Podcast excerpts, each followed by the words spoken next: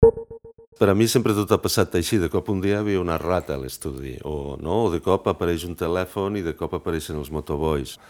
Tot això doncs, ho vas posant junt i van passant coses, no? Fons. Obres de la col·lecció MACBA explicades pels artistes. Antoni Abad. Tot allò que havia mig estudiat, eh, més que pues, intentar ser un teòric o bé intentar entrar en l'entramat de la curadoria, m'estimava més passar-me a la pràctica. Al final, el, cap al 79, que és quan jo acabo història, història de l'art, començo la meva pràctica artística com a escultor i fins que al 93, ja tot amb un bagatge escultòric, quan arribo a Banff, a Canadà, al Banff Center for the Arts, on vaig ser Artist in Residence, descobreixo tota una sèrie de coses. Per exemple, és la primera vegada que m'enfronto a un ordinador, tinc accés a projectors, tinc accés a tota una sèrie de tecnologies que no havia pensat pas que mai faria servir i una mica allà faig la última escultura i la primera videoprojecció, eh? que no era, no era vídeo monocanal, sinó que era projeccions en, en l'espai, allò que en un moment donat se'n deia l'escultura expandida, potser. No? I a Banff jo vaig arribar amb eines d'escultor, o més aviat podria dir de rellotger, perquè en aquell temps treballava en cintes mètriques i les meves eines eren molt petites eh, o molt mínimes, i surto amb cintes de vídeo sota el braç, en la meva primera adreça d'e-mail, de fet és on descobreixo que existeix una cosa que es diu internet, i d'alguna manera és un revulsiu, em canvia totalment la meva pràctica fins a dia d'avui.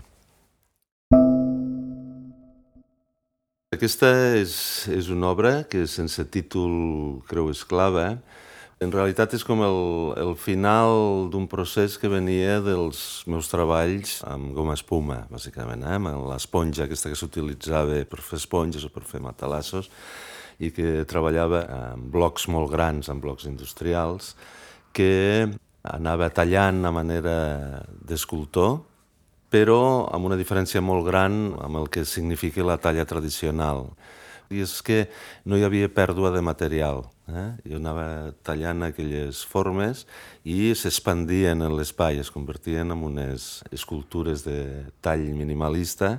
Eren escultures que sempre tenien la idea de mobilitat o de transformació implícita. De fet, sempre s'acompanyaven de seqüències fotogràfiques on veies aquest procés, on veies com el bloc inicial era recuperable i de manera molt intensa jo crec que volien reflectir allò de la combinatòria matemàtica, de les permutacions, les combinacions, etc, on algo que a simple vista pues, només era un bloc, en canvi, permetia infinitat de possibilitats. Això és aquest moment en el qual Mm, decideixo utilitzar aquest material, que és el mecano industrial, diguem-ne, aquest que serveix per fer estanteries, i que en si conté un element que després em portaríem a aquests treballs de les cintes mètriques, i és que aquesta mena d'estructura són uns angles ranurats amb un foradet cada dos centímetres i mig, no? que d'alguna manera t'està donant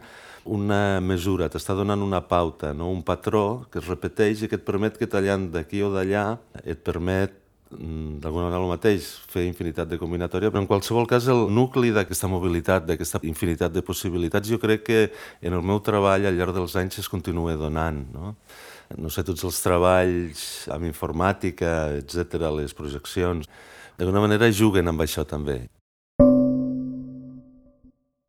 Això és el que al final d'aquest procés em porta eh, a treballar en cintes mètriques una mica com a mm, metàfora de algo, un patró preexistent, com és el metro, en aquest cas, que em permetria de mesurar la realitat, una realitat que em, que em sobrepasse, que no arribo a entendre, i llavors, mm, metafòricament, intento amb cintes mètriques mesurar diferents activitats, diferents, diferents llocs del meu propi dia a dia. No? Llavors, en cintes mètriques, per exemple, eh, mesuro el meu estudi, no? que és aquell lloc on se suposa que l'artista, i insisteixo, se suposa que produeix el sublim. Eh, després eh, li demano a en Sunyol que em deixi mesurar una escultura de tàpies, també el que se suposa que és el gran mestre, i em dona el permís, i sí, poso aquelles cintes mètriques davant, o, per exemple, en un moment donat, Toni Estrany em demana que a la seva galeria mesuri tota la seva col·lecció, etc. No? Hi ha tots aquests experiments que una mica mm, són endogàmics perquè es refereixen a mi mateix, al món de l'art, a la posició com a artista, però en arribar a Banff passen un parell de coses. Una és que a pesar de que Banff ja era mètric, és a dir, Canadà ja era mètric, i teòricament no hauria de fer servir el sistema imperial, que és el basat en peus, polsades, etc. Me n'adono que la cinta mètrica allí no té massa sentit, no? i que, per altra banda, la definició del metro tampoc és un patró que ens pugui servir gaire, no? perquè tal com el vaig estudiar jo a primària a Lleida, el metro era algo així com la, en castellà, clar, la diezmilionésima parte del quadrante del meridiano terrestre, no? I això què és, no? Quina mesura és aquesta? En aquell moment penso, per una banda, que el sistema imperial és molt més orgànic, es refereix molt més a tu mateix, no? perquè t'està parlant d'un peu, t'està parlant d'una polsada, i a partir d'aquí feia aquesta última escultura, no? que és eh, aquests pams que són de foneria d'alumini, i per l'altra banda feia el primer vídeo, la primera videoprojecció a la paret, que és senzillament la meva mà mesurant contínuament fent l'acció de mesurar que li afegeix, a més a més, una, una altra dimensió que és el temps, en realitat, no? perquè és quasi bé com un rellotge que va mesurant cada moment, cada minut, cada dia a dia de les, en aquest cas, de les meves activitats.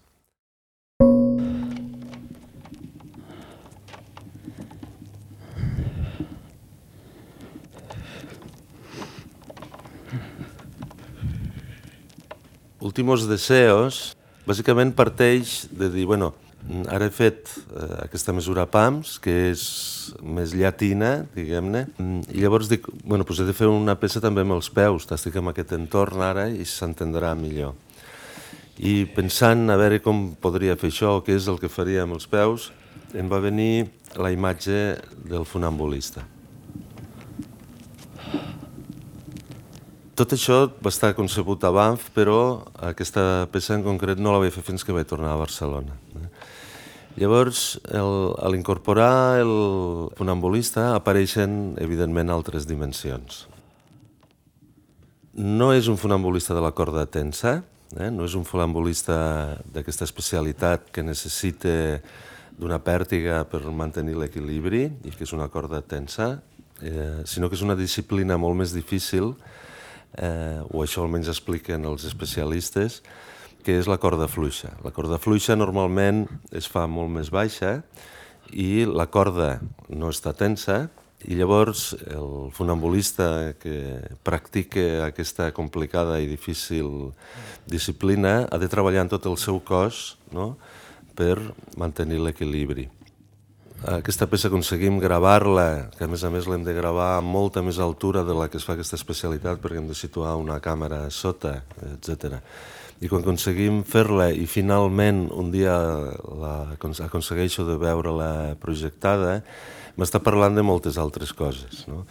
I una a la que em refereixo sovint, i per això es diu Últimos Deseos, és a la temptació que té el funambulista després d'aquest calvari diari al que es veu obligat a viure. No? El, per al funambulista seria molt més fàcil llançar-se al buit. No? I per això una mica ens està escrivint els seus últims desitjos, està escrivint la seva carta no? dient que és el que vol al final de la seva vida o en qui li deixarà les sabates, eh, perquè en realitat es manté en aquell equilibri per no llançar-se, però realment la tentació que té és la de llançar-se al buit i deixar-ho córrer. Eh? També inaugura una sèrie de treballs per a mi mm, en els quals més que parlar de site específic, de treballar d'algo que està fet per un lloc concret, estem parlant d'una peça o d'unes peces, d'una sèrie de peces que jo considero camaleòntiques, no? peces que poden canviar el seu significat depenent d'on es projectin. No? En aquest cas estem veient en una església, però mm, segons on la projectes pot adquirir altres significacions.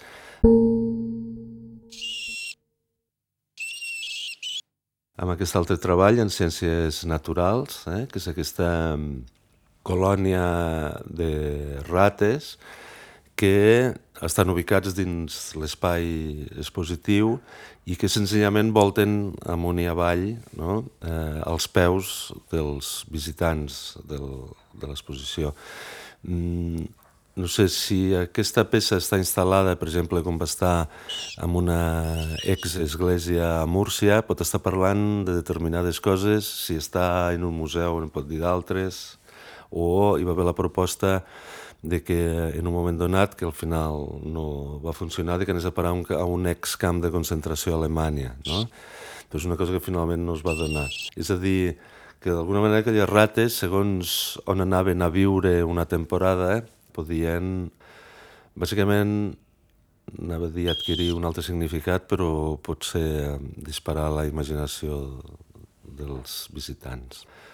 El que va passar és que en tornar de Canadà em vaig veure obligat a viure en un sòtano, en un sòtan a Horta, i era un sòtan insalubre, etc, amb moltes dificultats econòmiques de tot tipus, i mm, una nit, mentre estava dormint al lloc que feia d'habitació, vaig sentir un soroll. Eh?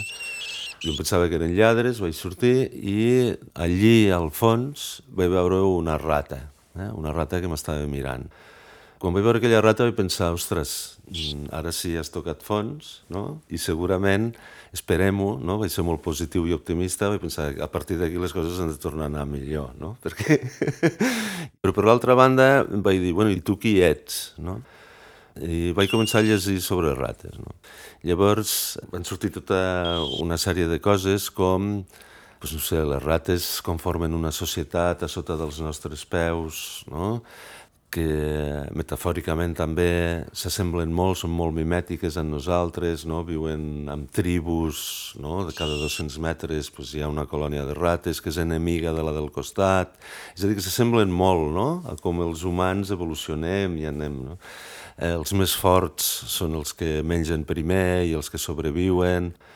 Vaig decidir incorporar-les en aquest sentit, no? en aquest sentit de imatge de nosaltres mateixos eh? i ocupant determinats espais. En aquest cas és molt senzill, senzillament vaig aconseguir amb el Toni Arrizabalaga, que està al Museu de Granollers i que és especialista en rosegadors, ell em va aconseguir els animals, eh? els bitxos, i amb aquests bitxos vam muntar un estudi eh? i vam muntar una càmera cenital i vam gravar aquestes peces. I aquesta peça hi ha una altra, les més conegudes, Love Story, que va estar a la Bienal de Venècia, i que mm, eren unes rates que es menjaven la paraula love, la paraula amor, escrita damunt d'un pastís de Sant Valentí. bueno, mm, bàsicament era aquest temps amb aquestes rates que una mica arranque d'un sòtano del barri d'Horta. Lligat amb el, amb el projecte del funambulista hi va haver una altra peça que es deia Sísif i que era, té dues versions, aquesta peça. Una, bàsicament, és una projecció del mateix personatge, en aquest cas era el, en Joan, el mateix actor, que estirava infinitament d'una corda, eh, a la manera d'allò que en diuen el socatira, eh, que és allò que hi ha dos grups de gent que estiren l'un contra l'altre, però en aquest cas és una sola persona, la que estira, està nu també, una mica també per subratllar la seva debilitat i llavors aquest personatge està projectat en una cantonada, és una peça d'angle, i a la paret, que està a 90 graus, hi ha un mirall. De manera que tots els moviments estirant, d'aquest personatge d'estirant de la corda, són simètrics, no? I el resultat és que és un personatge que està estirant de la corda contra si mateix infinitament. Sísif va tenir una segona versió i va estar en un projecte que es deia MACBA en línia. Eh? El MACBA en línia era una col·laboració entre el Museu d'Art Contemporani de Barcelona i l'Institut de l'Audiovisual de la Universitat Pompeu Fabra i tenia un curador que era en Roc Parés. Va ser molt avançat, estem parlant de l'any 95 o 96, em sembla, i va estar molt avançat en quant a incorporar l'art en xarxa a les activitats del museu. És a dir, no només fer una finestra perquè el museu ens expliqui què és el que està fent, sinó de convidar artistes a produir treballs específics per a la xarxa. I van produir aquesta versió del Sísif que adquiria una altra dimensió. A veure, el Sísif per a internet tenia un dels personatges ubicat en un servidor d'internet a Barcelona, en aquest cas el servidor del MACBA, i l'altre exactament a l'antípoda, a Nova Zelanda, amb un museu que es diu Te Papa Tongarewa, i tenia l'altre tros d'arxiu, és a dir, la imatge mirall d'aquest personatge estirant de l'altra banda. Llavors, mm, en connectar-te per veure aquesta peça, eh, veies els dos estirant de la corda en dos finestres de navegador i era algo que no podia passar sense internet. Necessitaves... Avui ens sembla molt normal connectar-nos aquí, allà, ens baixem d'aquí, ens baixem d'allà, però en aquell moment això funcionava molt bé com a una imatge del que és internet, on es podia produir algo així, com que eh, un treball estés repartit en dos servidors remots, i per l'altra, a mi hi ha una imatge que em retorna també a les mesures i a tota una sèrie de coses, i és que L'espai que havia entre aquestes dues finestres de navegador, que era allí on acabaven els dos extrems de la corda, si ho penséssim físicament, en realitat, si veiéssim aquella corda, seria el diàmetre de la Terra. No? I d'alguna manera tornava en tota aquelles coses de les mesures. Les mosques, bàsicament, ja no són vídeos el que faig, sinó que són programes informàtics. De fet, estic totalment desmaterialitzat ja, no? Ja no tinc ni fotografies, eh? Tot és eteri, tot és virtual el que estic treballant. I els projectes en mosques són programes informàtics que bàsicament es converteixen també en projeccions que estan a l'espai, però són formes de vida artificial molt primitives. El 2001 estic en plena eh, explosió de la mosca domèstica i un dia començo a pensar, ostres, a veure, la mosca és un paràsit, no? el considerem un paràsit, i per l'altra banda tenim una xarxa que es diu internet, que, de la qual potser la mosca també podria ser paràsit. Eh? És a dir, mm, es podria crear una xarxa de mosques que seria parasitària o estaria parasitant una red preexistent, no? una xarxa preexistent com és internet. I en aquest moment plantejo aquest projecte que em va portar 3 anys, un projecte que es diu Zeta. Es diu Zeta bàsicament perquè veig que a l'onomatopeia del soroll de les mosques sovint hi apareix la lletra Z, no? com a ronzio en italià o el boss en anglès o el zumbido, etc. I bàsicament consisteix en un petit programa informàtic que es manifesta en forma de mosca que viu al teu ordinador. No és un salvapantalles, sinó que la mosca està sempre damunt de qualsevol cosa que tu puguis estar fent amb el teu ordinador. I bàsicament funcionava com l'analogia quan a l'estiu obres la finestra i entren les mosques, doncs una mica quan et connectaves a internet aquella mosca apareixia i vivia en la teva màquina. La peça no podia existir si no hi havia usuaris que s'instal·lessin aquesta mosca a les seves màquines, eh? perquè era pues, una xarxa mundial. D'alguna manera és un precedent de les xarxes socials. Era una xarxa horitzontal que al no passar per un servidor central, al contrari de Messenger o aquests programes que s'han fet servir tant per comunicar-se, mm, et donava l'oportunitat de conspirar sense ser detectat. I, eh, bueno, va estar tot un experiment eh, de tres anys que van representar una obsessió molt gran. Eh?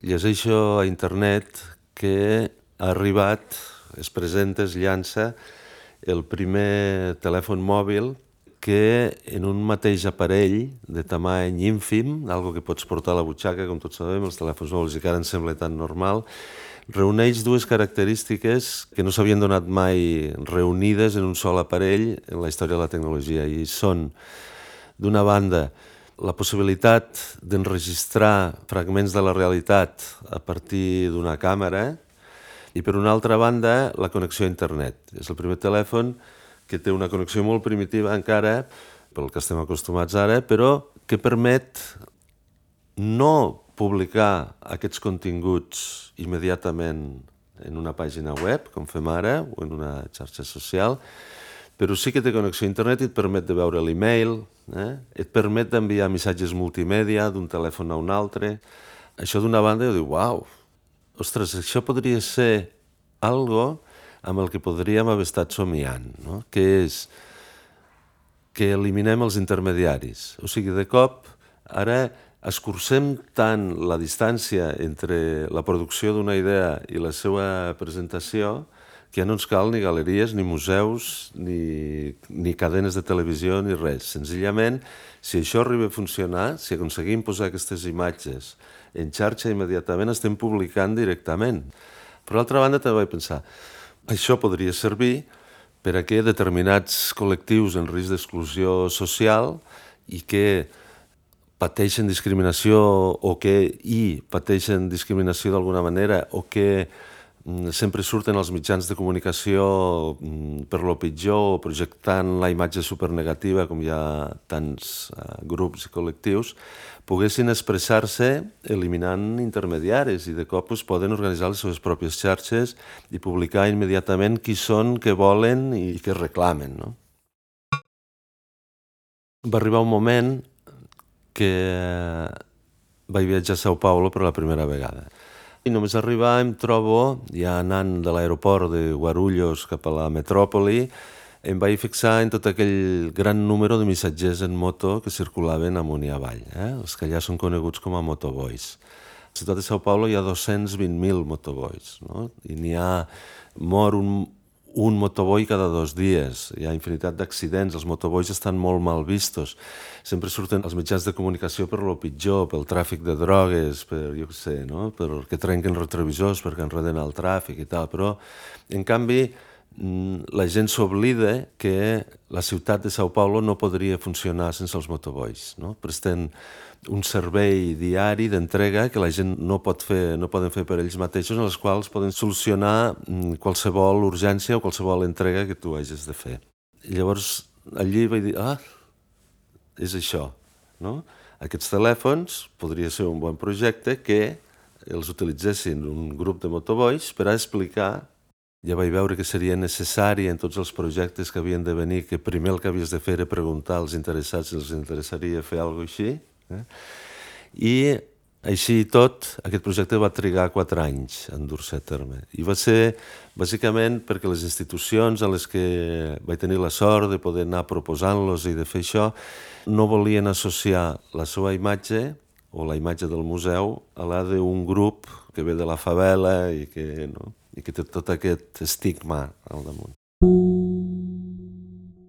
Mentrestant, va sortir l'oportunitat de fer un projecte a Ciutat de Mèxic amb el Centro Multimèdia del Centro Nacional de les Artes que es va liar amb el Centro Cultural d'Espanya. I aquí, jo que coneixia Mèxic, havia vist que hi havia un col·lectiu, que és el dels taxistes, de la ciutat de Mèxic, que també pateixen no, aquesta llegenda terrible, eh, molt semblant a la dels motobois, i sí, vam parlar amb uns taxistes i vam poder tirar endavant per primera vegada eh, aquest projecte a Mèxic. Mentrestant, abans, eh, em van proposar de fer un taller a la Casa Encendida i llavors el que vaig dir és pues, podríem fer un taller en telèfons mòbils. I una mica en aquest taller ja van quedar sentades les bases logístiques, tècniques i conceptuals del projecte. Vam veure que els participants tindrien canals individuals, que tindrien canals col·lectius on tots col·laborarien, que s'hauria de basar en reunions setmanals, o sigui, no es tracta de repartir uns telèfons, sinó de crear uns consells de redacció assemblearis, on no hi ha un cap de redacció i els participants proposen, debateixen i decideixen sobre els temes que tractaran, una mica per afavorir la intel·ligència col·lectiva del grup, etc. La meva funció com a artista en aquests casos passa a ser una mica de mediador. I bàsicament el que aconseguia era desviar fons que estaven pensats per l'alta cultura eh, o per l'art contemporani, desviar-los cap a un territori social. No? Jo quedava al mig, no? com l'artista que feia possible això. Jo continuo estant allà, però l'autoria està desplaçada, són ells els que publiquen les imatges, i jo d'allò no en faig una peça. En realitat, mm, ells publiquen directament en una base de dades en la qual tu pots veure aquests canals individuals col·lectius, pots navegar per diferents opcions, una mica com a les mosques, no pots anar pels tags, pels mapes, per les estadístiques, etc. pots arribar a construir narracions a mida per a la teva visió o ho pots veure senzillament de manera cronològica. Mm, I no hi ha cap filtre entremig. No és que ells m'envien les imatges a mi i jo les pujo a internet, sinó que això es publica directament. I està basat, sobretot, en aquestes reunions, no? en les quals ells decideixen de què parlaran. Mm, la meva funció, bàsicament, consisteix en ensenyar-los tècnicament com funciona, en traspassar el màxim de control sobre el projecte i en el començament dinamitzar tot això, mirar que d'un equip creat que pugui ser autònom no? i que pugui continuar amb el projecte com ha passat en molts de casos. Que d'altra banda és el més gran èxit que pot tenir un projecte així, no? que aprofitant el suport inicial d'una institució artística, després ells se'l facin seu i continuï. Havia diverses coses a resoldre. Per una banda, el centre d'art o el museu. Et diuen, bueno, i aquí què hi haurà? Eh, llavors jo deia, bueno, a veure, bàsicament el que necessitem és un lloc de reunions, connexió a internet, que ens trobeu telèfons, que... No, bueno, però a la sala què hi haurà? I llavors mm, jo pensava, vale, ara necessiten una instal·lació aquesta gent.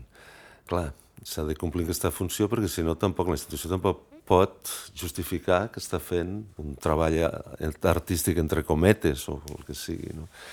que jo trobo que són treballs més culturals. Eh? Llavors dic, bueno, doncs mira, com? Hi ha una taula on es reuneixen i en aquesta taula hi ha uns ordinadors on els visitants del museu podran consultar. Qui? Mm, posem uns retrats dels participants que a la gent els hi farà més pròxims, els que vagin a visitar allò diran, ah, vale, mira, són aquests paios els que, els que estan transmetent. Jo tendeixo a cridar les instal·lacions documentals. Són, seria un documental expandit, potser, també. Mèxic era com l'assaig general. Van transmetre un mes. De fet, jo ara sempre aquests projectes els plantejo com a mínim d'un any, eh, però en aquell moment encara no sabíem com. Es van posar a publicar era un riu d'informació. És a dir, ja tenim telèfons, ja estan publicant, ja els hem ensenyat, ja està tot funcionant, ells s'ho prenen molt bé, cada les reunions són maratonianes, duren no, sis hores, una activitat frenètica, no? Jo encantat de la vida. També passa allò, doncs estàs a la cantina prenent tequiles amb els taxistes, eh, te'n vas a casa seva, eh, no? una mica t'arriben a anomenar taxista honorari, no? O sigui, sobrepassa qualsevol relació que et poguessis imaginar. Una altra cosa és parasitar el servei de premsa del centre d'art i el servei de premsa s'hi treballa tot el que es pot per a que faci difusió d'això. Realment fan una molt bona difusió i de cop ens trobem que les estadístiques de servidor tenen 50.000 visitants diaris, no? algo que no ens podíem esperar. I és, mm, precisament això és paradoxal, no és a partir de disseminació o difusió que fem a través d'internet, sinó que és a través dels mitjans analògics, no? que fan que la gent vegi que existeix aquest projecte i la gent vagi a internet a veure-ho. I de cop els taxistes estan a les cadenes de televisió, a les ràdios, estan sent entrevistats pels diaris, etc. Canal Gitano a Lleida, això és just tornat de Mèxic amb l'embranzida d'allà i el centre d'Art La Panera em proposa de fer un projecte. En aquest cas sí que ja parlem de fer un projecte amb un col·lectiu de la ciutat, que parlem amb els uns amb els altres, amb en Jordi Garreta, que és un sociòleg que havia treballat en la comunitat gitana i amb immigrants, etc. I per tota una sèrie de converses, etc., acabem pensant que la comunitat gitana de Lleida seria la ideal per tirar endavant aquest projecte i anem a parlar amb els patriarques de la comunitat gitana de Lleida. Havia de dur a terme una negociació perquè jo vaig pensar que seria potser més interessant que els participants fossin joves perquè d'aquesta manera potser podrien projectar més expectatives que no pas decepcions, no? i podrien, a lo millor, especular més, no? mirar de ser més imaginatius i buscar altres coses, etc. Eh, els patriarques em diuen, Antoni, ens estàs demanant algo que és contrari la tradició gitana. La tradició gitana, els portaveus, els que tenen la potestat de parlar per la comunitat, eh, som els grans, som nosaltres, els que estem aquí, els patriarques. No? A més a més, també els demanava que fos un grup de nois i noies. I deien, bueno, Antoni, però és que tu saps que eh, a partir d'un moment determinat els joves no es poden parlar amb les noies i que han d'estar separats. Diu, haurem de fer dos grups. I va dir, mira, ens ho pensarem. I llavors, l'endemà, van tornar, just l'endemà ens van dir, mira, ens ho hem parlat, i hem pensat que, mira, que sí, que farem el grup, que podran venir nois i noies, i que sí, que podran parlar. Diu, estem al segle XXI, suposo que hi ha coses a, a la nostra tradició que han d'anar canviant i hem pensat pues, que sí, que tirem endavant. I sí, vam trobar tota una sèrie de participants, nois i noies. Això no va ser del tot veritat, això de que poguessin ser nois i noies junts. Eh? Quan fèiem les reunions junts, les noies no deien res i havien d'estar acompanyades per grans, de manera que al final vam acabar fent reunions separades. La comunitat gitana de Lleida, com la de León, amb la que vaig treballar després, al Mussac, o com les treballadores sexuals en qui vaig treballar a Madrid, al final d'aquests períodes inicials jo sempre proposo als participants, o ja durant, els proposo que si volen tenen l'oportunitat de continuar, etc. I aquests tres grups, els tres van dir que ja havien dit tot el que havien de dir. Barcelona Accessible va començar bàsicament amb un amic, el Javi Creus, que en un moment donat em va dir Antoni, diu, et vull presentar a una noia que va en cadira de rodes a Madrid, un dia que estiguem allà a veure si aconseguim coincidir, que és la Gemma Hassenbey, que és una atleta paralímpica d'esgrima, que va fent fotos dels obstacles que troba pel carrer. Llavors em va dir, jo crec que el teu projecte aquí pues, segurament es podria construir alguna cosa no? i potser estaria bé que us veiéssiu. I així vam tenir aquesta conversa i aquell any, jo crec que era el 2005, el Centre d'Art Santa Mònica em va proposar de fer un projecte i els hi vaig dir de fer un projecte que es diria Barcelona Accessible, on participarien un grup de persones amb mobilitat reduïda i que per primera vegada inclouria la geolocalització, és a dir, que les transmissions podries en un mapa consultar on aquelles fotografies havien estat fetes. Vam tenir una primera reunió, vam aconseguir... Eren uns temps on hi havia més diners i era més fàcil fer les coses, vam aconseguir patrocinis i vam aconseguir tenir telèfons i uns mòduls GPS externs que permetien, teòricament, connectar-se amb els satèl·lits i aconseguir la posició allà on es feia aquella foto i d'aquesta manera es podria anar mapejant la Barcelona inaccessible. Aquest més o menys és el plantejament que jo vaig fer en aquesta primera reunió amb 40 participants, era la vegada on hi ha hagut més participants.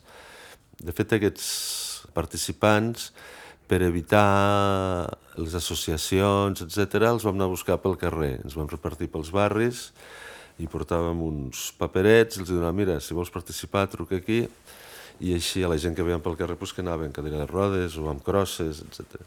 I així vam aconseguir reunir tota aquesta gent. I a la primera reunió, davant aquesta proposta que jo els feia de mapejar la ciutat inaccessible, em van dir, sí, és molt interessant, però ells van estar discutint, van estar parlant, però també estaria bé d'ensenyar els exemples de bona adaptació.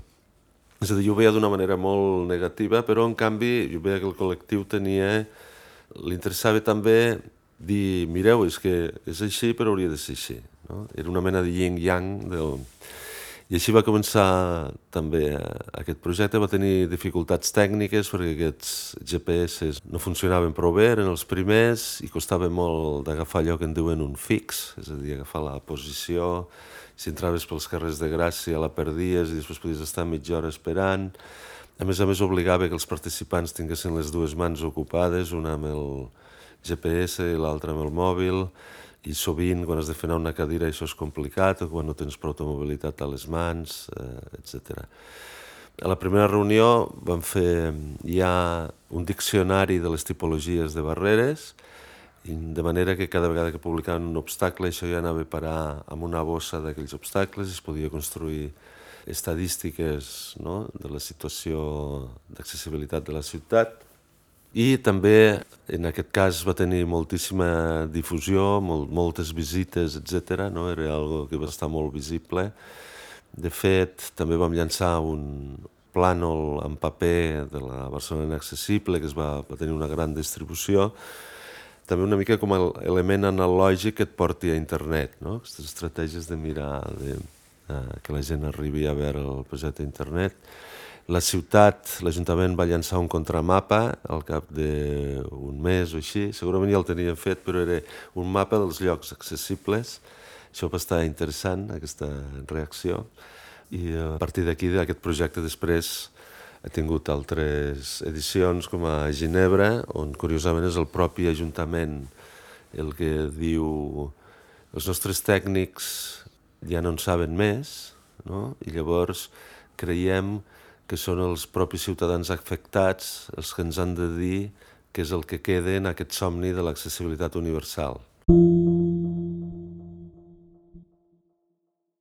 I així, durant aquests deu anys, doncs he tingut la sort i l'honor de poder treballar en tots aquests grups i viure unes altres realitats que estan sovint ben lluny d'aquesta ona internacional de l'art contemporani no? i que et porten una mica a conèixer gent que no, segurament no arribaries a conèixer mai i a escoltar o fins i tot ser partícip sovint d'uns discursos que toquen molt de peu a terra, però que també quan els col·lectius es posen a parlar de les seues expectatives, no? també et porten a volar per uns paradisos impossibles.